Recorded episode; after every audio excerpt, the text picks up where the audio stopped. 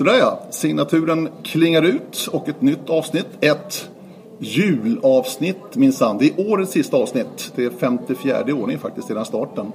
Och en glad, en alltid glad skulle jag säga. Helena Jansson, välkommen. Ja men tack. Det är, du, är du alltid glad? Nej, verkligen inte.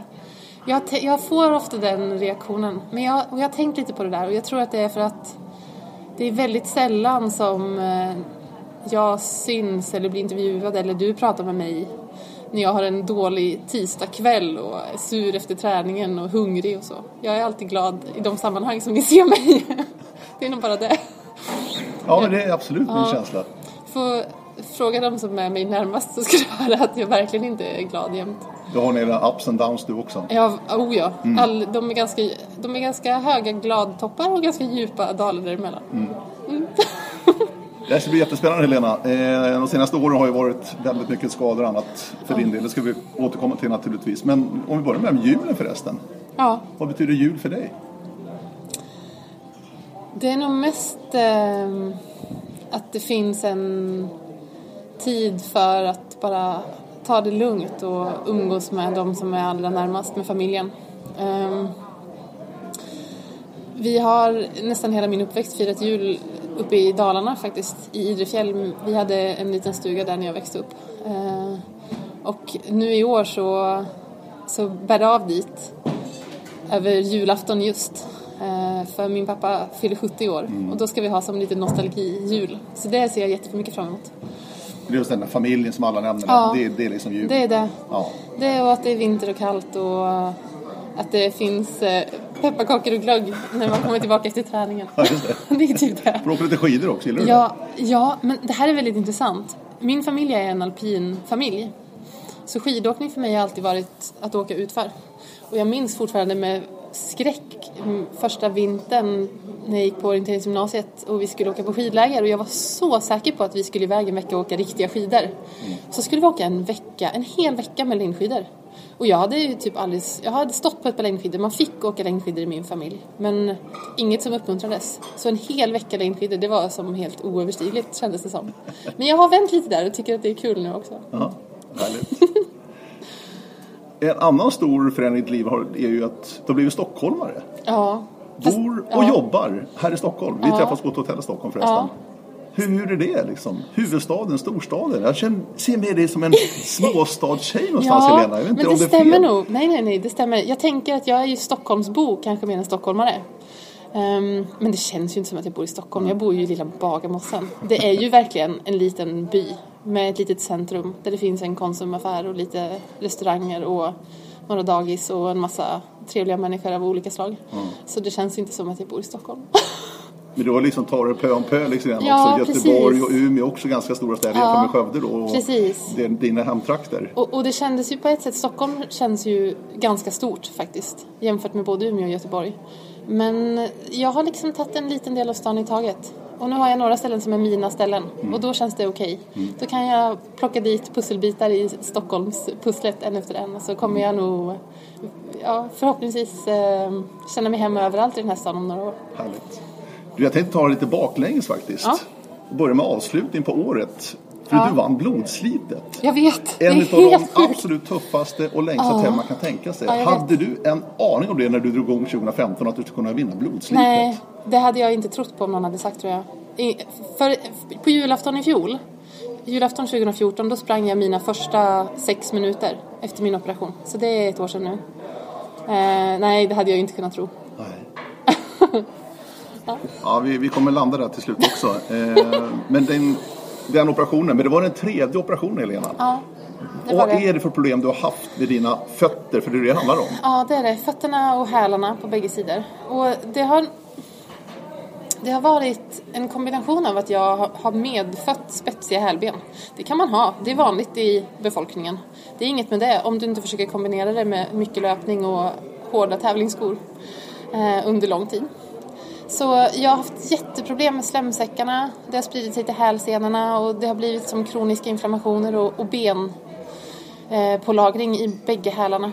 Så det är det som har varit problemet. Så jag har försökt, jag försökte under lång tid att komma åt problemet utan operation och det gick som inte.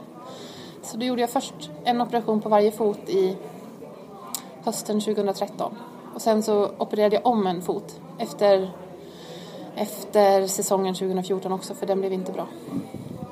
Och sen kom den här sista då, förhoppningsvis sista operationen förra julen, innan förra julen. Ja, precis. Under här hösten 2014 var det sista. Ja, så, mm, så nu så, nu tänker jag att jag inte ska skära mina fötter mer. Men, men vad du säger är att du har haft de här problemen länge. Är det någonting du har känt länge, länge liksom?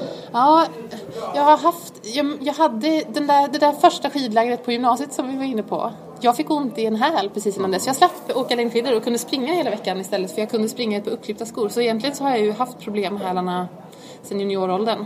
Det blev riktigt, riktigt allvarligt inför VM i Frankrike 2011. Så egentligen sedan maj 2011 så har jag haft konstant eh, problem med hälsenorna och hälarna. Pratar vi smärta då eller? Då pratar vi smärta. då, då pratar vi smärta och gränser som flyttas successivt till att jag jag har inte kunnat ha skor, vanliga skor på mig har jag inte haft förrän nu har jag det på mig idag. Det är nästan första gången. Eh, jag har inte kunnat gå på fötterna på månaderna utan har fått ligga kvar i sängen och lirka upp dem. Jag har inte kunnat gå i trappor. Ehm, ja, jag har levt mitt liv i tofflor utan träningsskor. Det har, alltså det har, jag har haft så mycket ont. Så det, och, ja, smärta och stelhet. Mm. mm. För det blev vi ju varse väldigt tydligt den här säsongen då, 2015-säsongen som nu har tagit slut. Du släppte om sex minuter då på julafton förra Ja. året. Liksom. Du hade en tydlig plan hur du skulle komma tillbaka. Varann, Jag kommer ihåg när vi träffades första gången då i samband med Swedish League-tävlingarna i Åmål. Där det var liksom varannan Precis. dag och pulsen fick inte gå upp vissa grejer. Du hade verkligen en plan Ja, restriktioner. precis. Och det som är, när jag fattade det här beslutet ett, liksom ett och ett halvt år innan, då hösten 2013 när jag bestämde mig för att operera fötterna första gången. Redan då tänkte jag så här, okej, det här är en omstart. Nu har jag chansen att göra allting rätt från början. Nu ska jag inte skynda mig. Jag ska ta en sak i taget och verkligen, verkligen se till att mina fötter läker. Det måste vara prio ett. Eh, och det där lyckades jag hålla i till februari ungefär när det var världscuptävlingar i Turkiet. Då bara var det så himla roligt och det hade ju gått ganska bra och kanske att det skulle kunna gå och så sprang jag och så gick det ganska bra. Och återigen så hade jag, jag hade från början en väldigt tydlig ram med min rehabilitering och så bara skiftade den där lite, lite grann. Det gick bra, jag, fick ett, jag kom två efter Tove på den här tävlingen och det är så lätt att tro med ett bra resultat att då är jag tillbaka, då är rehabiliteringen klar. Och så körde jag på lite, lite för mycket. Så fram emot VM där i Italien sommaren 2014, då hade jag ju ont igen. Och insåg att, men jösses, nu har jag ju inte alls gjort. Det jag lovade mig för nästan ett år sedan nu, det har jag inte alls gjort. Så i, för ett och halvt, i liksom hösten 2014 då, när jag opererade mig sista gången. Då bestämde jag mig för att det här, det går inte. Jag måste ju göra någonting annorlunda. Så jag har varit så extremt, extremt disciplinerad det här året. Det, är helt, det har ju varit löjligt. Viss- Alltså, Ja. Jag har ju varit skitlöjlig liksom. Bara, nej men jag ska springa 27 minuter. Jag ska springa max 5 minuter per kilometer. Jag ska, du vet så här. Skitlöjligt. Men det har ju funkat.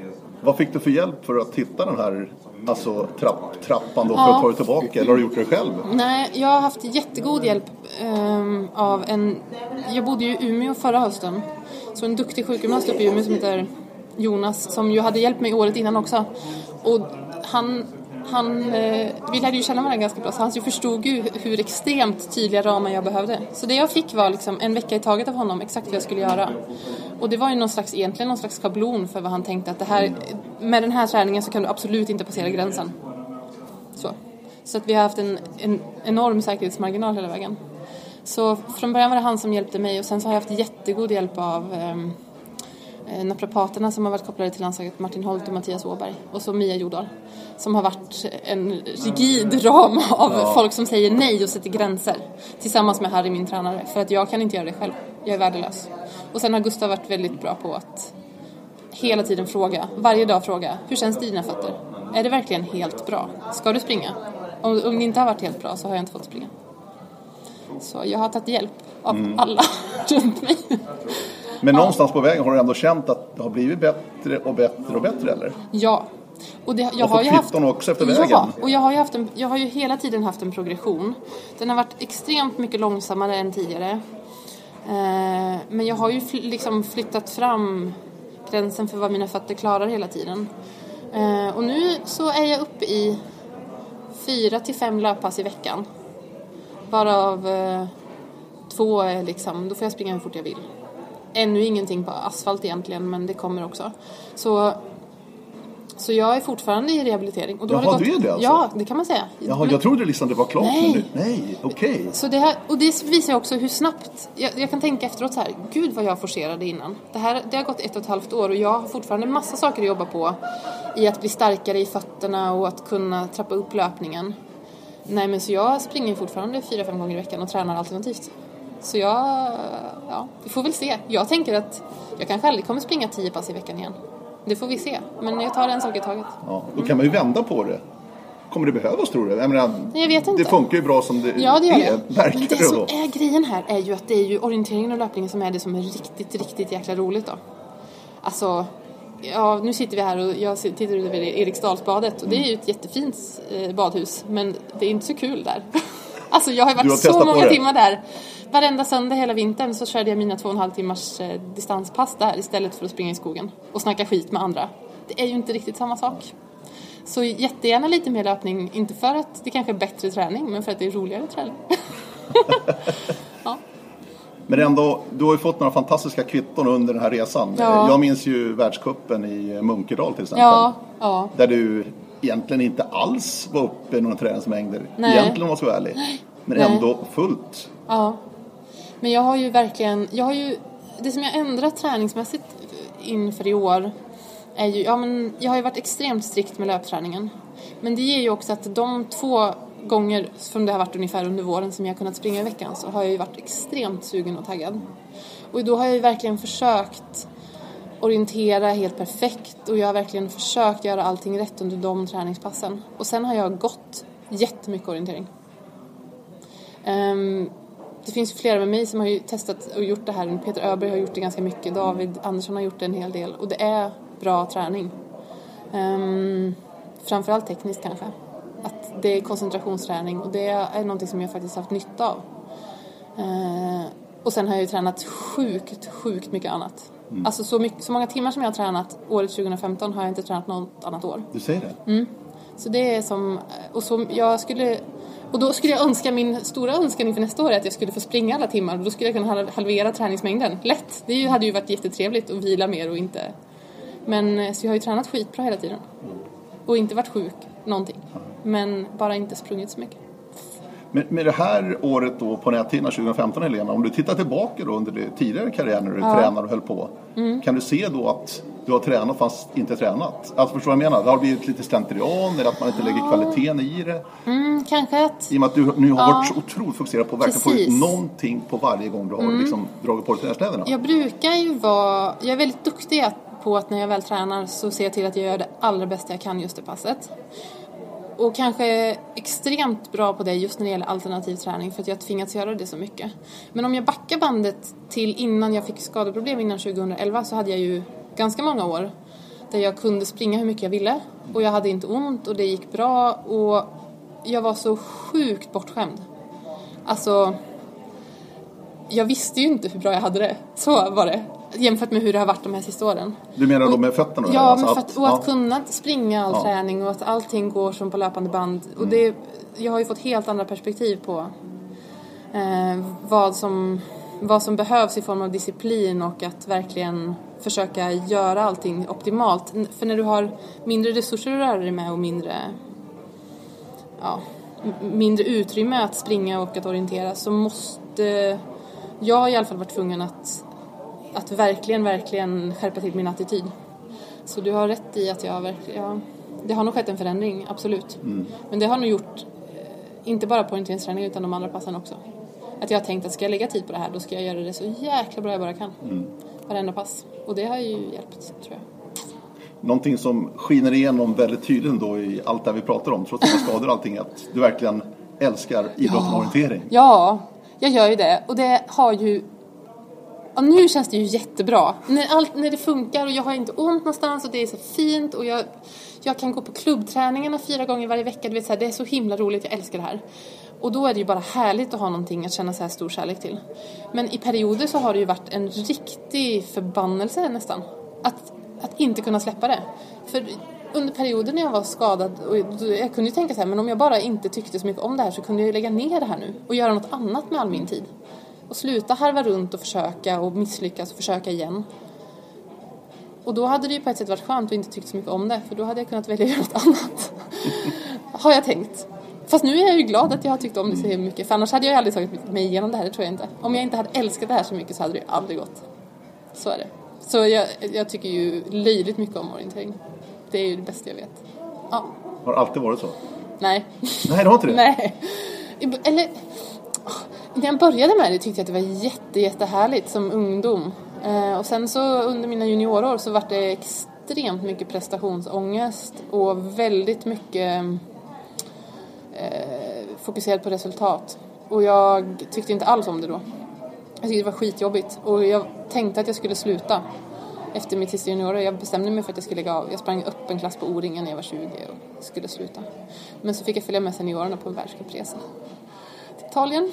Och då vände det? Fick, ja, då fick jag dela rum med, med Billan och Anna Marcel och alla var så gulliga och det var så härligt att vara iväg och det var så rolig terräng och du vet, så här, det var bara helt underbart. Och jag var ju bara där för att se och lära. Så då behövde inte jag prestera några resultat och då var det skitkul igen. Mm. Så då, då började jag tycka om det igen, när jag var 21. Och tänkte att och det här med landslaget, det, det vill jag ju vara med i. Då måste jag ju börja träna. De tar inte med folk bara för att de tycker det är kul. Då måste jag vara skitbra. Så det var då jag bestämde mig. Men det låter ju ändå lite märkligt. Du tog alltså 12 stycken JSM-guld. Ja, Ingen har varit så framgångsrik nej. under junioråren som du. Och ändå mm. säger att nej, det var inte så kul på den nej, tiden. Nej, det var det inte. Det I perioder var det ju det såklart. Men det var, jag, jag har, hade då och har fortfarande problem med det här med att jag blandar ihop person och prestation. Att jag kan tänka så här, gud om inte jag lyckas på den här tävlingen då kommer ingen vilja prata med mig. Um, och det, jag, förstår, jag, förstår, jag förstår ju intellektuellt att det är helt knäppt att känna så. Men det är sant. Och det, jag kan jättemycket känna så när jag står på start. Jag kan for, fortfarande känna så ibland. Och framför allt minns jag Ja, det blev ju bättre där när jag blev senior, ända tills jag skulle springa VM första gången 2006. För då minns jag att jag stod på startlinjen och tänkte, det här är ju, det här, nu får ni skratta. Ja, det är jag och så är det Kajsa Nilsson och Jenny Johansson som springer den här medeldistansen för Sverige. Och i Sverige bor det 9 miljoner invånare. Då är jag ansvarig för 3 miljoner människor. Det är 3 miljoner människor som kommer bli jättebesvikna på mig om inte jag gör det här bra. Alltså du vet, sån, det är någon slags hybris, storhetsvansinne blandat med någon typ av för att jag blev så nervös och så bara tänkte jag att jag kommer göra så många besvikna.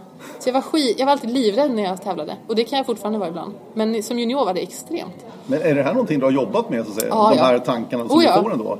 Så jag måste alltid innan start så springa och tänka på att, ja men vad kommer hända då? Kommer min familj sparka ut mig? Kommer jag få sluta skolan? Kommer jag bli hemlös? Kommer, liksom, kommer det få några reella konsekvenser? Bara, nej, inte alls. Så varje tävling måste jag påminna, påminna mig om det fortfarande. Det är skitlöjligt, men det, så är det för mig. Mm. Men talang, talang visar, vad, vad, vad, vad, är din talang? Vad, vad ligger i den Helena? Som oh. du ser det. Ja, dels, dels det här med att jag är duktig på att bestämma mig för att om jag väl bestämmer mig för att göra någonting så är jag bra på att göra det. Alltså jag är bra på att eh, köra skiten ur mig på intervaller eller jag är bra på att eh, koncentrera mig under en orienteringstävling. Sen så är jag ju um, duktig tekniskt. Jag, jag, tycker, jag tycker inte om att tappa bort mig. och det gör att jag kan hitta, jag är bra på att hitta fokus liksom. Och att koncentrera mig när jag orienterar. Det är jag bra på. Jag har ganska lätt för att förstå kartor och mm. ja. Um, och brukar vara ganska jämn. Det är sällan jag är så himla snabb liksom, och vinner massa sträcktider men jag brukar vara inte göra några större misstag. Och det räcker ganska långt. Mm. Eh, två individuella VM-guld har du. Ja. vad, vad minns du av de här två? Det första kom alltså 2009, sprinten ja, i Ungern i Miskolc. Det, det jag minns mest då var den här, det som vi pratade om innan, det här med att stå på startlinjen och känna sig nervös och så. Att precis när jag kliver upp på startrampen på det VMet så springer Linnea Gustafsson i mål på ledartid. Och jag minns att jag tänkte då, det är sällan jag lyckas tänka något riktigt, riktigt starkt positivt på startlinjen på lopp. Men då minns jag att jag lyckades tänka, ja ja, men om Linnea klarar det här, då kommer jag klara det. Jaha, mm. var det den? Det var asgött var det. Och det kändes så himla bra att, ja, det var så härligt att hon fick springa ett bra lopp och så, eh, så kände jag mig så säker på att jag också kommer fixa det här. Det är det jag minns mest. Starten var på arenan där? Ja, alltså, precis. Det var det. Ja. Så det, det minns jag mest från från sprinten på det VMet. Faktiskt. Annars minns jag väl, det VMet var ju väldigt, det hände ju otroligt mycket. Martin som skadade sig och det var en väldigt speciell stafett för oss och det var en av de finaste långdistanser Ja, det var ett otroligt kul VM på många sätt. Mm. Mm. Eh, ditt andra individuella kom ju i Frankrike 2011 ja. på medeldistansen. Ja. Som kanske har varit din ja. distans, tycker jag någonstans. Ja. Liksom, att ja, Helena medeldistans, då känns ja. det, det, är hand i handske någonstans för mig. Men då var du väldigt, väldigt glad. Ja, jag var jag. jätteglad. Ja, det, det var ju Ungern också, det är inte snack om det. Extremt, det var ju så speciellt för då hade jag ju, det var ju den våren där precis inför det VMet. Jag hade ju flyttat ner till Schweiz och jag hade varit proffs. Allting hade gått så himla bra. Jag var jättebra den våren och det kändes superbra och vi hade spenderat extremt mycket tid i den här extrema terrängen. Eh, och sen hade jag månaden inför VM inte, jag hade ju så ont i min fot, jag kunde inte springa någonting. Jag körde hela min formtoppningsperiod i bassängen. Mm. Eh, och det kändes extremt osäkert överhuvudtaget inför det där VMet. Eh, och sen så bara så var det en sån otrolig vecka. Att vara i det svenska laget den veckan, jag tror aldrig att... Nej, det där, jag, ska, jag ska inte säga, jag tror aldrig att jag kommer uppleva det igen för vi har ju VM på hemmaplan nästa år. Jag tänker att det kanske kan bli någon ja, slags... Jag tror det är svårt att upprepa. Ja, kanske. Men det var så härligt och alla var så glada och... Du, du vet sen när man har framgång, det bara flyter och alla bara... Ja, det var så härligt. Det var ju en så, hyfsad start ja, också med tre svenskar och pallen på sprinten. Ja, vi sprang sprinten och Linnea fick vinna och sen vann ju Annika långdistansen och jag minns att jag att jag inför den här medeldistansen tänkte att det här spelar ingen roll vad jag gör nu för det här VMet har ändå varit så fantastiskt. Eh, och det jag minns mest från det loppet är faktiskt att jag kom ifatt Annika i skogen. Hon startade sex minuter före mig och att jag var så otroligt ledsen över att hon hade haft en så tuff dag. Eh, det är det jag minns mest. Men sen var jag så himla glad efteråt när du vet så här det var så osannolikt att jag skulle kunna vinna den där tävlingen med de förberedelserna och att det skulle bli ett nytt guld till Sverige. Alltså det var ju så. Och så Peter som sprang så himla bra också, den medeldistansen. Ja, det var ju sjukt häftigt. Mm. Men du, alltså, du har 14 VM-medaljer, ja. Helena. Det är ju helt galet jag vet. Jag. jag vet inte vad jag ska ha dem till riktigt. Alltså, du samlar på hög. Vad har, vad har du någonstans? Ja, de ligger i en, en, eh, en skokartong hemma hos mamma och pappa. Ja, den från Skottland i somras ligger fortfarande i bokhyllan. Men annars ligger alla medaljerna i en låda. Gör de. det låter ju kanske inte så Tittar bra. du på dem då? Nej. Nej. Jag hade fram dem när Anneli Östberg slutade. Mm. Så hade jag fram alla medaljerna och, och, hängde runt halsen på henne alla de medaljer som jag har vunnit under tiden som hon har varit förbundskapten. Och det var ju sjukt många. Det var ju alla VM och EM och NOM-medaljer liksom. Det var ju jättehäftigt att se. Och då blir det ju någon slags... Då, blir det, mm. då kan jag tycka att det är häftigt. Annars så... Alltså det är ju inte medaljerna som är min främsta drivkraft. Så de... Ah, de bor bra i sin låda. Men vad, vad är drivkraften då? Att det är så himla kul och att det är så ja, svårt det fortfarande. Det, alltså. ja, men du vill fortfarande, fortfarande vinna tävlingar. Så det är, är fortfarande det. skitsvårt det här Per. Alltså du vet, att stå på startlinjen för en orienteringstävling och du vet den här känslan av att jag står där och hör klockan ticka ner med handen på kartan och så är det någon funktionär som håller den om axeln. Och så har man ingen aning om vad som väntar. Och egentligen ingen aning om, oftast i mitt fall så känns det som att jag absolut kanske inte kommer klara den här utmaningen. Och så vända på den här kartan och så få upp den och så bara okej, okay, nu är det det här som väntar och det är det här jag ska göra. Okej, okay, då är jag och kartan och första kontrollen och att försöka göra det så bra som jag bara kan. Alltså det, jag tröttnar aldrig. Det är så himla kul. Mm. Och någonstans um, att det fortfarande är så svårt. Att det fortfarande är så här att jag på långdistansen på världscupfinalen totalt missbedömde en vägvalssträcka och tappade fyra minuter. Alltså att jag kan göra det efter att ha gjort det här i tio år. Det är ju helt sjukt. Och det är ju så himla gött att det kan vara så. Mm. Ja, Älskar verkligen, det. verkligen. Älskar att det är så. Ja. Så det är kanske det också. Men jag tror många yngre tjejer och killar också vissa som har det här när du berättar hur ja. du känner på startlinjen känner igen sig ganska mycket. Ja. Har du, är det någon som frågar dig liksom om jag tänker nu på de yngre. Mm. Många som lyssnar på det här också och tycker det är jättekul att höra både på mm. dig och Tove som vi hade för några ja, veckor sedan också. Eh, åt önskningar liksom att de vill höra er. Men är det någon som kommer fram till dig och vill ha lite råd och tips och sådär? Eller händer. hur är det? Det händer faktiskt. Det händer mer sällan än man skulle kunna tro. Och eh, det här kan ju vara en uppmaning då. Ja. Alltså när ni ser mig på tävlingen. Jag älskar att prata med människor. Jag vet att du jag gör älskar det. människor. Bara kom fram och prata. Ställ vilka frågor som helst. Jag svarar på allt. Om jag inte kan svara så säger jag att jag inte kan. Men eh, ja, ju mer interaktion desto roligare tycker jag. Jag tycker jag- det är jättespännande. För jag tänker också det du berättade om din juniortid, om Ja. när du tyckte det inte var så Ja, jätteroligt alla gånger. Mm. Och där är det ju väldigt många som slutar. Absolut. Så är det ju. Det är det. Eh, och nu hade ju du tur, du var ju väldigt duktig Helena, liksom, Ja. fick en världscupplats då. Men det Ja. är inte alla på den nivån. Nej, nej, nej, verkligen men inte. som ändå kan fortsätta bara för att Ja. orientering är så kul som du Mm. säger. Jag vet. Och jag tänker att ja, det, här det här kan man ju diskutera hur länge som helst och det finns en massa olika förklaringar och lösningar. Men jag tänker att framför allt i klubbverksamheten så går det ju att ehm, göra val så att alla kan inkluderas, även de som inte vill elitsatsa eller och att verkligen försöka jobba med andra värden än med resultatinriktning kanske. Det kan ju vara en viktig del också. Jag tänker i landslagsverksamheten såklart. Så är det ju medaljer som räknas. Det måste ju vara så. Men det finns så många andra värden i idrotten och det finns ju så många som ska vara i den här idrotten för att de bidrar med saker förutom sina resultat. Och då tänker jag att vi, vi måste bli bättre på att ta hand om varandra. Och det börjar nog i klubbarna tror jag. Eh, nu tänkte jag växla ämne lite grann. Ja. Du är ju färdig läkare Helena. Har ju alltså läst till läkare under din Ja. karriär här. Ja. Jag jobbar några kvarter härifrån. Ja, precis. Vad, Mm. vad jobbar du? Hur mycket jobbar du och sådär? Du, jag är anställd på 27,7 procent. 27,7? 27,7. Eh, det blev så. Jag, jag jobbar två dagar i veckan när jag är hemma i Stockholm. Och sen är jag ju borta ganska mycket. Och då räknar de liksom ut min anställning på, på de dagar jag är här. Och då blev det 27,7 procent.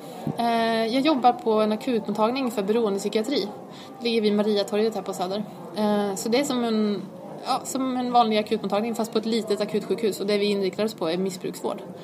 Så akuta drogintoxikationer, abstinensvård och eh, avgiftning inför behandlingshem om man behöver det.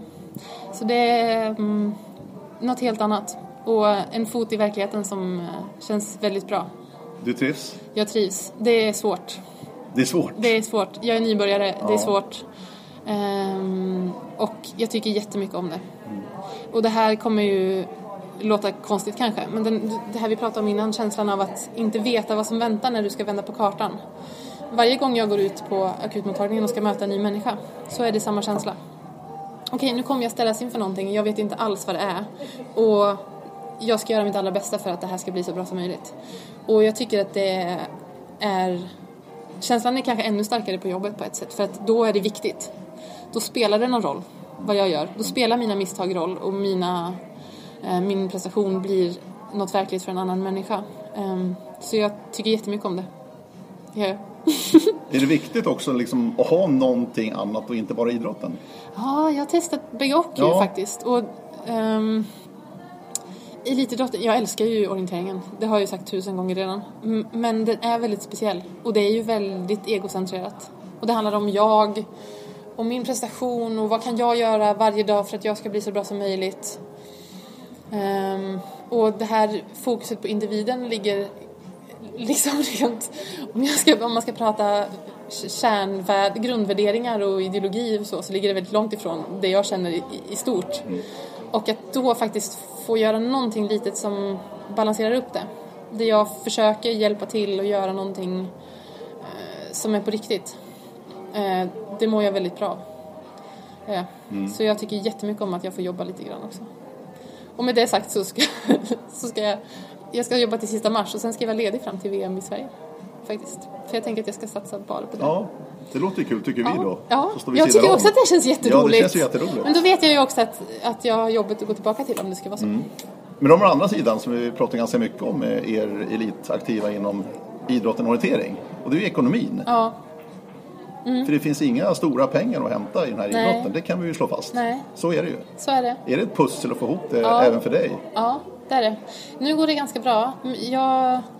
Jag... Eh, jag, jag har lite elitstöd från landslaget, jag har lite elitstöd från klubben och sen har jag min feta läkarlön. Jag får ut ungefär 7000 kronor i månaden på att jobba.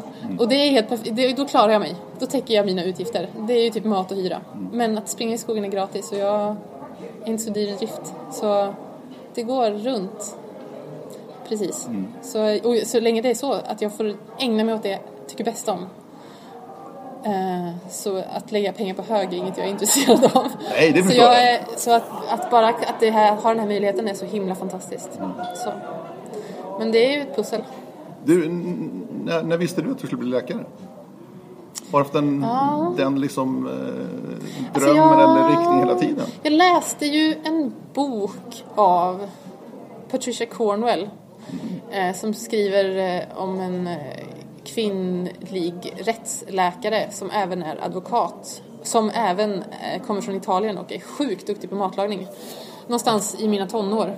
Eh, och den här kvinnliga rättsläkaren Kay Scarpetta var ju så övercool på alla sätt. Eh, Och då tänkte jag, ja men jag ska bli både läkare och advokat precis som Kay. Och lära mig laga italiensk mat. Eh, Men och sen så tror jag att, det där hade jag i bakhuvudet. Och sen så testade jag lite efter gymnasiet och läste lite kemi och jag läste lite kultur och demokrati och insåg att jag är nog, jag är nog ganska intresserad av det här med människor. Jag tycker om att prata med dem. Jag, jag vill gärna göra någonting där jag får vara med människor runt omkring mig. Och sen så en fascination för liksom ja men för biologi kanske. Alltså som idrottare lever man väldigt nära sin egen kropp på något sätt. Så det var någonstans, ja men jag var 21, 22 kanske som jag tänkte att det här ska jag göra. Så då blev det så. Du, hur, hur är det egentligen, alltså när man är läkare? Ja. Kan, kan man sin kropp väldigt bra eller? Nej, Eller hur är alltså det titta, där? Gud, titta på mig, jag har varit, det, där, det här med att kunna fatta rätt beslut, att ha kunskapen och så fatta rätt beslut. Alltså det för mig är det vattentäta skott mellan min, medic- det som jag har lärt mig rent medicinskt och hur jag hanterar mig själv. Det är ju liksom Det låter ju märkligt. Ja, Alltså. visst låter det märkligt, Ja. men det är faktiskt sant. Ja. Och jag, jag tror att jag i början, när jag började läsa, um, inte riktigt visste hur jag skulle hantera det. Att lära sig en massa saker om människokroppen och så försökte jag liksom implementera det här på mig själv och det gick som inte bra. Så nu har jag, nu har jag gjort som en... när det gäller om jag får ont någonstans eller om jag blir sjuk eller så, ja men då söker jag hjälp. Precis som alla andra. Jag försöker inte lösa det själv för att jag kan, det går inte att vara objektiv. Det går inte att tänka ordentligt. Det visar ju alla mina skador och hur länge jag har haft ont liksom. Eh, jag hade ju aldrig sagt åt någon annan i min situation att träna så som jag gjorde när jag hade ont till exempel. Eh, så jag, jag kopplar loss mig själv liksom från, från att jag kan saker som läkare och tar hjälp. Och sen så, så försöker jag använda de kunskaperna till andra människor istället och då funkar det ganska bra. hur, hur är det? Kommer de nu på tävling? Helena, så jävla ont i mitt knä. Mm. Ja. Mm. Tror, vet, vad kan det vara tror du? Ja. Funkar det så? Ja, det gör det. Och än så länge så är ju jag, jag är alldeles ny och nybörjare och inte så duktig. Så ni som hör det här, ni, kan, ni får jättegärna fråga men jag, det är inte alltid att jag kan. Men jag blir fortfarande smickrad. Och tänker så här, åh de tror att jag kan det här. Åh, vad, åh, och så vill jag hjälpa till och du vet så här. Och vissa saker kan jag ju liksom och kanske kan styra i rätt riktning och oftast är det, tycker jag att det är jättesvårt. Och som sagt, jag, jag är ju nybörjare. Det är ju lite som att, ehm, ja men om, som att, som att fråga någon som precis har börjat på orientering om orientering liksom. Och så är det att- fråga mig om läkarsaker just nu. Men jag tycker att det är väldigt kul fortfarande. Så fråga jättegärna. Men det är inte alltid som det är. Man får så bra svar kanske. Ja, det är kul. Vad hade du annars för inriktning läkarmässigt? Alltså, vad, vad har du, nu har du jag landat på en Ja. akutmottagning här borta med psykiatri och annat. Mm, precis. Men alltså, hur, hur är det Ja. som läkare när man går ut? Är man liksom, kan Du kan man välja precis helst? vad som helst. Ja, det är så. Ja, Ja. så är det ju. Och jag har ju inte, man gör ju en allmäntjänstgöring först för att få sin legitimation. Den har jag inte gjort. Nej. Så den har jag kvar. Så det, för mig är det ganska många kvar, år kvar tills jag ska välja.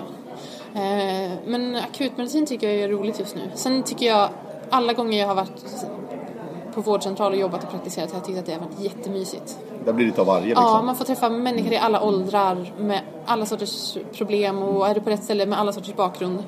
Och det är ju helt fantastiskt. Det, det tilltalar mig. Så det kanske, allmänmedicin kanske kan bli något. Vi får se. Och det liksom visar än en gång tycker jag ditt sociala patos som du verkligen har. Det, Ja. det kan du slå fast. Du har också ett stort samman, samhällsengagemang verkligen. Ja. Alltså den här jorden vi lever på. Ja, jag vet. Eh, där försöker du, ver- du känner- försöker i alla fall någonstans. Jag känner mig Eh, orolig. ja, ja. Ja, för jag läste det du skrev i samband när ni sprang Run for Life Ja. för några månader sedan. Eh, just den här jorden vi lever på. Alltså. Ja, jag vet. Den kanske inte varar för evigt. Nej. Vi måste vara rädda om den. Ja.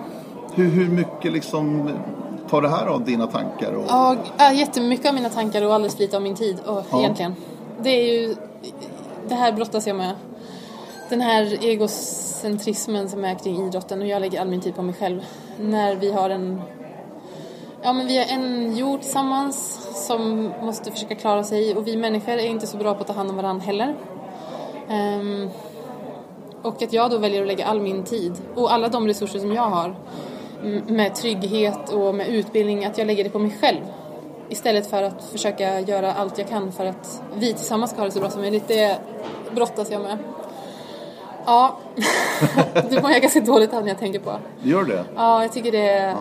Jag, jag, tänker att jag... jag ja, men jag, jag är född... Liksom jag bor i det här landet som är ett av de bästa i hela världen. Um, jag har en trygg familj och jag har en liksom, bra ekonomi och jag har en utbildning. Jag har liksom alla resurser i världen. Och då tycker jag att jag har ett stort ansvar. Mm. Um, att göra det jag kan. Och så känner jag ganska många dagar att jag inte alls gör allt jag kan varje dag. Mm. För att vår jord ska bli lite bättre. Mm. Och det tycker jag är jobbigt. Så det kommer nog bli mer framöver tänker jag. Med att försöka göra ännu bättre saker. Mm. Men du, om vi, om vi tittar på våran älskade idrottsorientering då. Ja. Eh, som ju känns väldigt naturvänlig och så när ja. vi är ute i skolan och springer. Mm. Men vi sitter i våra bilar och åker ja, dit vet. ganska mycket och ja. det är ganska många bilar. Och, jag, menar, jag vet. Alltså vi är jag... inte så miljövänliga hela, hela vägen heller om vi ska vara ärliga. Nej. Jag tänker att det finns jättemycket vi kan göra och det går ju att snegla på positiva exempel. Eh, jag har ju bott i Schweiz en period. Där, där har man ett helt annat eh, nätverk vad gäller tåg möjligheter och där är de ju jätteduktiga på att ha bilfria tävlingar till exempel. Men vi skulle också, faktiskt också kunna bli bättre på det tänker jag. Eh, och att ja, men vi som idrottsrörelse skulle ju kunna se till att det faktiskt blir bättre att kunna åka kollektivt till tävlingar och så. Att vi kan bli bättre på att samåka. Um, jag tänker, det finns ju, jag vet att det har snackats inom Stockholms orienteringsförbund om någon slags vision för ett O-ringen i Stockholm om några år och att försöka ha det helt bilfritt vore ju, det tycker jag egentligen vore rimligt. Och, eh, många ser det nog som en dröm och jag tänker att det är väl självklart om det ska hamna här. Det är ju så himla bra med pendeltågen och tunnelbanan. Så jag tänker, vad gäller den biten finns det ju massor vi kan göra. Mm. Och massor att jobba på. För om vi eh, backar bandet till 1999, jag vet inte om du var med på O-ringen då? I Nej, Dalarna, mitt Borlänge. första år var 2000. Ja, för 99 var det ju tåg till ja, alla etapper. precis. Och det var ju för att alla var ju supernöjda. Ja. Funkade så ja. bra. Jag tänker det också. Och alltså det här med att åka bil, det är ju... Alltså, jag tycker vi kan... just för just en O-ringen-vecka tänker jag att det går ju, om det är möjligt så det är klart att vi ska ha det bilfritt. Det vore ju underbart. Mm. Um, är det här frågor som du tycker orienteringen måste ta mer på allvar? Överhuvudtaget titta på det här? Alltså jag tänker att det finns det finns ju... Alla måste ju dra sitt strå till stacken. Orienteringen tar sitt ansvar och mm. andra idrotten och ja. Jag tänker att alla idrotter har ju olika utmaningar och vår är kanske ja, dels den här att vi, eh, vi måste ut i terrängen. Och vi måste långt från städerna. Och då blir ju transporten en utmaning. Jag tänker att det finns säkert bättre och kreativare lösningar än vad vi har i dagsläget. Mm. För att försöka få människor att samåka mer eller att åka buss eller tåg. Eh, och sen så tänker jag att en annan av våra stora utmaningar är att vi är ju en, eh, en väldigt eh, homogen grupp av människor som håller på med orientering. Mm. Det är vit medelklass. Mm. Eh, och där har vi en kanske ännu större utmaning än transporterna. Eh, att försöka bredda vår idrott så att den blir tillgänglig för alla. Mm. Vilket, jag tycker ju att den här idrotten är värd att vara någonting som alla får ta del av. Mm. Och då tänker jag att det finns ett jobb att göra. Då minns jag också ett eh, blogginlägg du hade för något år sedan efter förbundsbeslutet. Ja. Att inskränka möjligheten för utländska ja. medborgare ja. att delta på SM-tävlingarna. Och du vart ju riktigt förbannad. Ja, jag... Du gillar inte alls det där. Nej men jag, jag, jag tänker att idrott är någonting som ska finnas för att vi människor ska ha det Alltså det är ju som en lyxprodukt. Det är någonting som finns för att vi har så mycket över i vårt samhälle att vi har tid att lägga på något som är härligt och roligt och trevligt. Och då tycker jag att det är självklart att allt som rör idrotten ska vara så inkluderande som möjligt. Alla ska få vara med i så stor utsträckning som möjligt och då tycker jag att allt som, som vi gör som på något sätt kan liksom inskränka möjligheter som inte är inbjudande och välkomnande tycker jag är lite... Jag tycker det är onödigt. Och just det där beslutet... Ja, jag tycker det är tråkigt. För jag tänker att som orienteringsland är ju Sverige ett av de främsta. Vi har fantastisk terräng, vi har allemansrätten, vi får vara ute i alla skogar, vi har jättebra kartor. Och SM som arrangemang är ju fantastiskt. Och det är klart att vi ska bjussa på det till alla som vill vara med, tycker jag. Men det tycker vi olika. Ja. Uppenbarligen. Ja. Men det gav, du fick en hel del mothugg också på det här Ja. inlägget. Ja. Tråkiga liksom, kommentarer. Det här är någonting som... eh, Ja, verkligen. Det är ju, jag la ju faktiskt ner allt mitt... eh, Jag har inte skrivit någonting sedan dess. Sen dess, nej. Jag la ner min blogg eh, för att det blev för mycket och jag fick alldeles för mycket mail hem ehm, och alldeles för mycket liksom verkligen sån nättrollshatgrejer för att så blir det alltid när man uttrycker något antirasistiskt så kommer hela Ja, liksom men drevet. alltså, det här är ju, det, det Ja. låter ju befängt i mina öron. Ja, men så blev det i alla fall. Och då, det är också en sak som jag känner mig ha dåligt samvete över. Att jag faktiskt backade och tänkte så här, nej jag orkar inte. Jag kan inte, jag vill inte skriva mer nu för jag kan inte ta det här en gång till. Um, men så känns det fortfarande. Jag kommer nog inte skriva något mer. För att jag orkade inte ta det. Och det känns skitdåligt. För jag fattar att ingenting ändrar sig om inte alla gör, försöker göra sina röster hörda. Och om jag tror på någonting, det är klart att jag ska säga det då. Så jag är ganska feg. Så känner jag mig. Jag känner mig feg som inte orkar ta striden. Men så är det. Eh, vi var inne på O-ringen 99 i Borlänge med tåget där. Ja, Men jag tänkte bolla upp en annan O-ringen-vecka. ja, Där du är helt unik faktiskt, Helena. Efter att ha vunnit samtliga Ja, fem etapper i damernas huvudklass i Ja. D21 Elit i Småland 2009. just det. Då var du i makalöst bra form den här veckan. Ja. Vad, vad minns du själv om den veckan i Eksjö? Oh, jag minns att varje etappseger medgav att man fick, jag vann en tårta, Frödinge-tårta. Och jag bodde på elevhemmet som eleverna på Eksjö orienteringsgymnasium bor på. Där jag bodde själv när jag gick på gymnasiet. Tillsammans med bland annat Hagaby och KFUM Örebro tror jag det var. Eh, och att jag... Det kändes så bra att vinna en tårta varje dag för då kunde jag bjuda de som jag bodde tillsammans med på tårta. Det minns jag. Och sen minns jag också att jag var otroligt, otroligt, otroligt nervös inför sista etappen. Eh, när Simone skulle ut och jaga mig. Jag minns inte hur mycket tid det var. Det var nog mer tid än vad jag, vad jag känslomässigt minns det som. Men eh, det var verkligen tufft. Då, då fick jag verkligen, verkligen eh, se åt mig själv på skarpen för att inte bli så där rädd och nervös och eh, tro att hela världen skulle gå under om jag skulle misslyckas. Det minns jag. Ja, det var just det, det var bra att du kom in på Simone där för att konkurrensen var ju jättehård den här veckan. Du hade en väldigt, väldigt bra vecka och hade marginalen på din sida hela tiden också. Mm, det var ju det. Jag, jag kommer inte heller ihåg hur många minuter du hade. Det Nej. var inte det där jättemycket ändå. Nej, det var inte det. Trots att för det var Simone ganska små varje dag, marginaler. liksom. Ja, precis så var det ju. Ja, det var verkligen tufft var det. Det var jättekul. Hur annars, O-ringen, vad betyder det för dig? Jag tycker Eller har betytt eller betyder? om O-ringen. Eh, det känns som att jag saknar O-ringen, så känns det. Det har varit några år som det har legat så dumt för oss i förhållande till VM.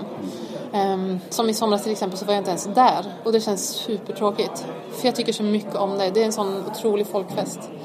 Och ehm, nu i sommar däremot så blir det annorlunda. Mm. Då ska jag banne mig springa. Ja, då ska vi Sverige ha en pre-camp inför Ja, VM det ska till vi. och med. Det ska vi. Så att Jag hoppas att jag får vara med på den också. Eh, det ska jag kämpa för. Ja, det får du säkert vara. Men jag kände, här, när O-ringen gick i Sälen sist 2008, det var ju precis efter VM i Tjeckien och jag blev sjuk den veckan och sprang bara sprinten som var.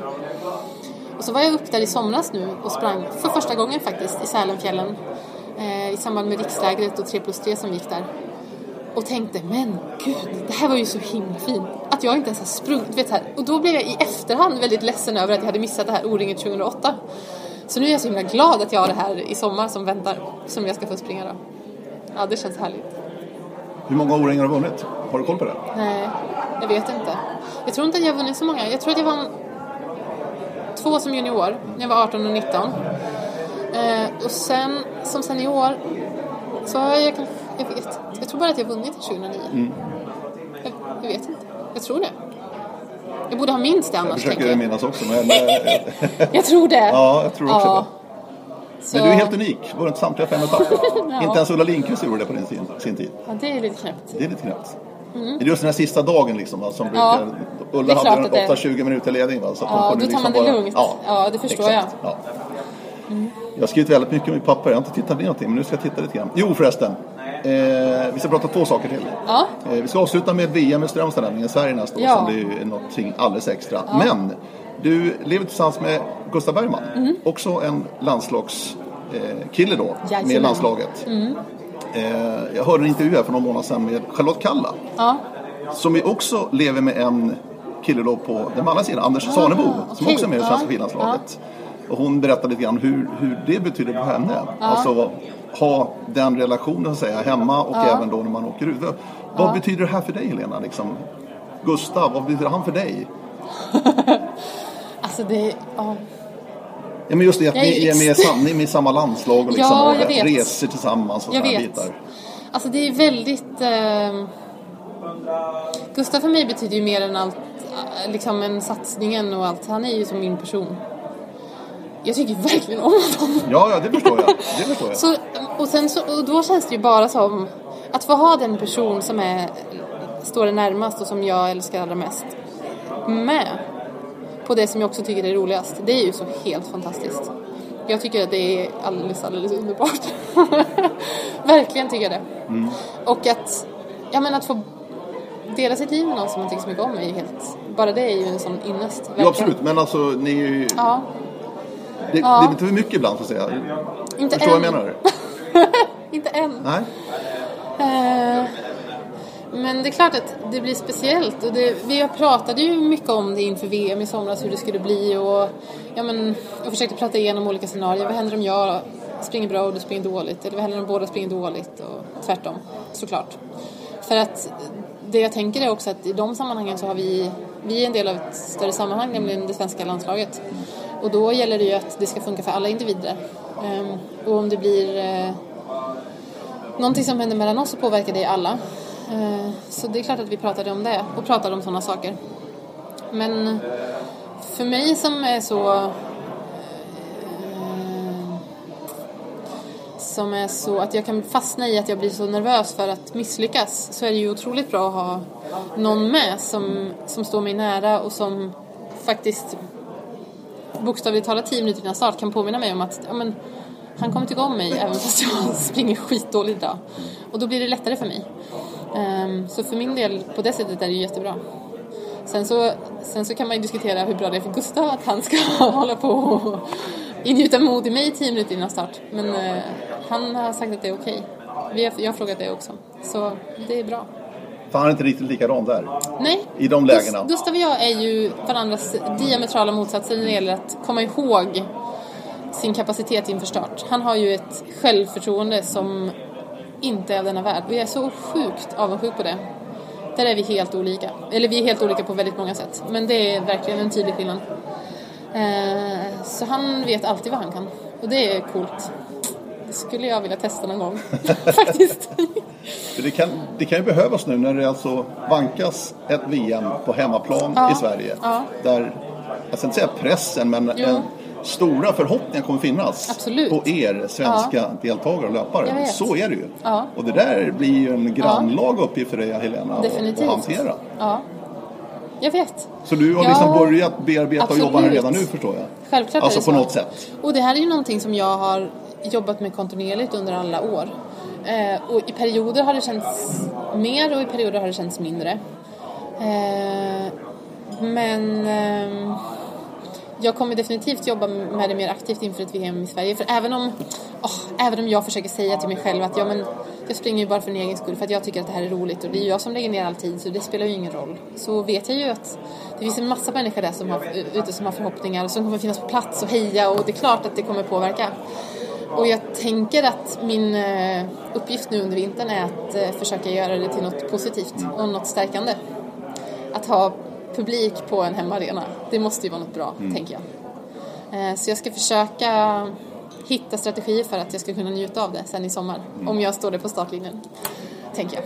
Men du, har du någon, vad ska vi kalla det för, någon slags mental rådgivare du kan bolla med? Harry har du väl kvar som tränare fortfarande? Mm. Precis. Harry Winnamäki har ju Ja. haft under många år faktiskt. Som har hjälpt Hela dig med, seniortid faktiskt. ja, med Han träning och upplägg och, och sådär. Det är bra.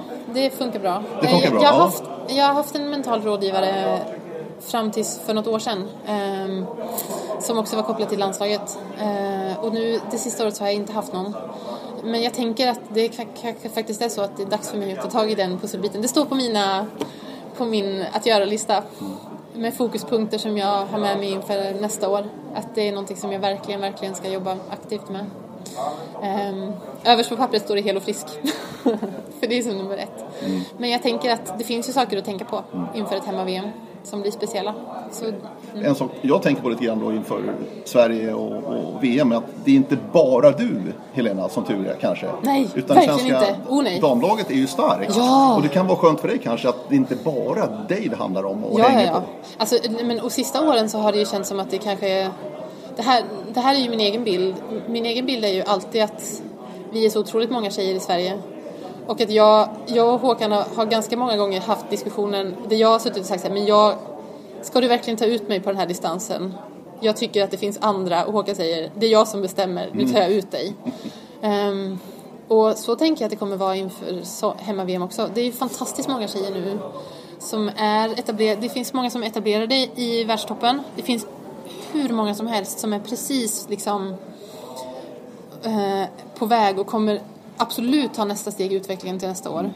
Och alla är ju så himla pepp på det här VMet. Så för mig, när jag tänker på VM i Strömstad 2016, då tänker jag att det jag ska göra är att hålla mig hel och frisk och ta en plats i det svenska laget. Jag tänker inte att än att jag liksom har en självskriven plats där. Det finns ett jobb som ska göras även för mig. Um, och sen så om jag väl står på startlinjen så kommer jag göra mitt allt såklart. Mm. Men jag tänker att det är verkligen inte något som är självskrivet. Um, och det är ju så coolt att vara en del av ett så starkt lag. Jag älskar det. Mm. Och det ger så mycket positiv kraft när det finns så många som vill så mycket mm. och som är på väg någonstans. Jag tycker det är fränt. Du, du har varit med på många VM nu Helena, men ja. om du ser Strömstad, vad, vad, vad, ser du för bilder framför dig? Liksom? Vad, vad, ser du? Inte prestationsmässigt nu, utan Nej. själva arrangemanget. Liksom. Vad, ja. vad, vad, liksom förväntar du dig? Så när jag tänker, det här är lustigt, när jag tänker framtid så är det alltid bra väder. Först ja. och främst. Bra. Jag kan aldrig tänka, jag har aldrig lyckats tänka att det är dåligt. Det kommer ju vara strålande sol hela veckan. Det kan jag utlova redan nu, så det kommer bli helt fantastiskt. Eh, och sen så tänker jag mm, jag ser ju minnesbilder från EM i Falun 2012 såklart. Och stämningen som var på arenan på stafetten och eh, jag, jag, tänker på det. Eh, fast på ett soligt västkusten. Mm. Eh, och sen så tänker jag ju såklart på mina lagkamrater och hur det brukar vara i den svenska truppen och hur fantastisk stämning det brukar vara. Och den här liksom ja, det, det sker en sån ansamling av kraft och energi hos löparna inför ett VM. Och du vet de här första dagarna på mästerskapet när alla loppen kanske inte har kommit igång än och det är bara massa liksom nästan elektricitet i luften när allting bara ska ut på en gång. Alltså den känslan. Det längtar jag till. Det är så coolt. Eh, och sen att få dela det med alla som är på platsen, det kommer ju bli helt underbart. Mm. Ja, det, det kommer bli fantastiskt bra tror jag. Ja, verkligen. Alltså. Ja. Du, hur länge ska du hålla på?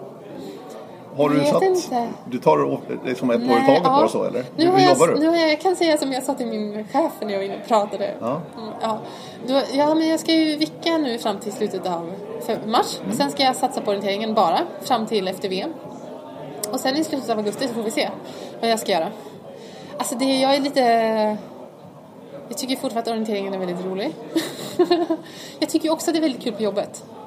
Eh, och sen har jag ju också den här grejen med att eh, jag tänker att eh, någonstans får det ju vara nog med att lägga tid på sig själv. Snart vill jag gärna börja betala tillbaka till, till, eh, ja, men till idrottsrörelsen såklart och till samhället i stort. Eh, men vi får se när den dagen kommer när jag tänker att jag faktiskt har tagit mycket nog och ska ge tillbaka. Just det. Ja, så känns det. Du fyller ju 30 här i år också. Ja. Var det något speciellt liksom att gå passera den gränsen? Man brukar prata om 40-årskriser framförallt. Ja. 50 års att, jag tänker att i orientering kanske det snarare, jag vet inte för jag hade ingen riktig 30-årskris. Men jag bra, tänker att det, det kanske blir en 35-årskris. När du faktiskt blir, ja, just det. då blir man ju tant liksom. Får du springa masters. Precis. Och du flyttas från Sverigelistan där till D35 och så blir, då kanske det, jag vet inte, vi får se. Det är några år kvar. Det har varit fantastiskt trevligt här. Eh, vi ska runda av med en avslutande som faktiskt var med i det önskemejlet jag fick också när vi ja. på Helena. Jansson som har varit med oss den här timmen, snart timmen faktiskt. Eh, jo, sprintstafetten i Trento. Ja, När du tappade skon. Ja. Det vill de gärna höra, hur, vad du minns av det här idag. Liksom. och jag minns så himla mycket. Nu varning här för att jag kanske börjar gråta för det här är fortfarande så himla jobbigt. Ja, det är så. Ja, det var inte men- meningen. Nej men det är okej Per. Det, Ja, okej. Alltså mig gör det, jag gråter hela tiden. Ja. Jag gråter en gång om dagen så det är okej. Alltså, För det var en väldigt, Ja. väldigt speciell upplevelse för dig. och det kändes så, alltså det, var, det kändes himla bra inför. Jag kände mig bra. Och sen så i starten, så vi stod ju i bokstavsordning Mm. i nationen eftersom det var första sprintstafetten någonsin liksom. Och sen när vi sprang iväg där i starten så, så såg jag liksom att det var en lucka ut till vänster och att jag skulle kunna springa om det här fältet. För vi visste också att det skulle bli enkelt. När jag vände på kartan så såg jag att det var liksom en enkel orienteringsbana och det var bara liksom ja, det skulle bara vara springa. Jag ville gärna ta några positioner. Och så efter fem meter så är det någon som kliver mig på hälen. Och jag känner direkt att skon liksom, att jag åker ur hälkappan ur skon. Och det, första tanken jag får precis där, och det, då är vi fortfarande inne på arenan. Jag tror inte ens vi har passerat den här måltribunen som vi sprang baklänges ut ur. Att, nej men det här, kan, inte- det här är inte sant. Vi måste starta om tävlingen. Jag måste knyta på mig skon, vi startar om. Det här går ju inte.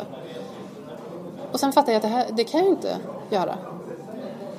Och försöker liksom trampa tillbaka foten i skon men hälkappan har vikt sig ner och jag- skorna, jag har knutit skorna och jag har tejpat skosnören så att de inte ska gå upp. Och så springer jag med den liksom instucken som en toffla och tänker att men det, kanske, det här kanske går liksom. Om jag, jag kanske får någon möjlighet att trampa i tillbaka skon eller jag försökte liksom hitta något sätt att lugna mig på. Och då, just där och då var det ju jätteskönt att det var enkel orientering för att då kunde jag springa och tänka. Jag försökte ju lösa det här parallellt med att jag försökte springa en första sträcka på VM-stafetten. En tanke som aldrig, aldrig slog mig var att jag skulle bryta loppet liksom. Nej men stanna och, ta Nej. det, och, och Ja, försöka knyta upp det, den och det sätta tänkte på. jag på. Eh, och tänkte att det kommer ta för lång tid. Jag kunde, ja, det var jättesvårt att avgöra liksom, men i en sprint så försvinner ju alla på en sekund. Mm. Och jag tänkte kanske att det spricker upp sen. Och så länge jag hade skon istucken liksom, eller foten istucken i skon, så gick det ganska bra.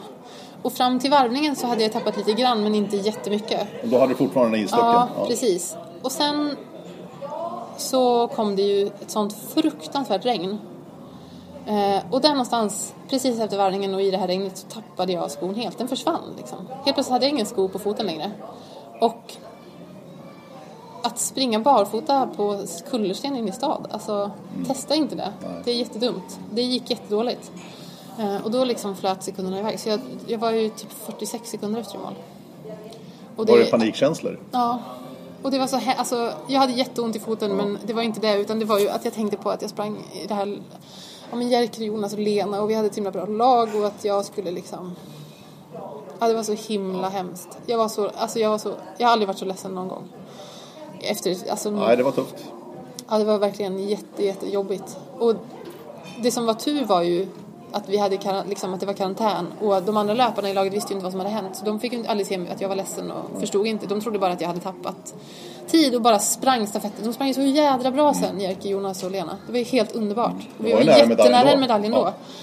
Ja. Eh, men det där alltså. Och sen är det så, ja. Och- just det här att det finns saker som händer som du inte kan skydda dig emot. Du kan förbereda dig hur bra som helst. Mm. Hålla dig frisk, du kan träna, du kan vara i form och det kan hända saker. Ja, men det är så det är. Ja, det, så var det. Så det, ja. Nu, nu har jag sagt, eller jag, eh, det är ganska många som skämtar med mig om det här. Är det så? Ja, så här. Jaha. Ja, ja, och framförallt efter det där. Okej. Ja, ja, du har båda skorna på dig idag. Eller någonting. Och det här har ju varit, alltså det här är ju verkligen, ja, det här var ju verkligen jättejobbigt. Och i början så hade jag, jag tyckte det var skit och jag kan fortfarande tycka det, att ibland är så här att det liksom hugger i hjärtat när någon... Så jag har sagt till alla att man får skämta med mig en gång per person om det här. Och sen är det nog, sen kommer jag Sen kommer jag säga ifrån. Så alla som inte har skämtat med mig om det här en gång, ni har fortfarande en gång kvar. Det är okej. Men alla som har gjort det, ni får passa. Ja. Underbart. Nu eh, önskar jag dig riktigt god jul och gott nytt år. Tack detsamma Verkligen, Per. Helena. Ja, Och 2016 alltså VM i Sverige. Bland Ja, annat. Bland, bland mycket annat, annat. ja. Men, eh, det är det stora målet för er. ja, Så att, eh, ha det så trevligt på Idrefjäll, verkligen. ja, Ja. jag ska. Ja. Tack, ha det Och gott. säger vi god jul och gott nytt år till alla också. Vi lovar att komma tillbaka på andra sidan årsskiftet med nya poddar. Efter nyår förresten, kan jag säga redan nu. Då ska ni få möta Anders Gärderud.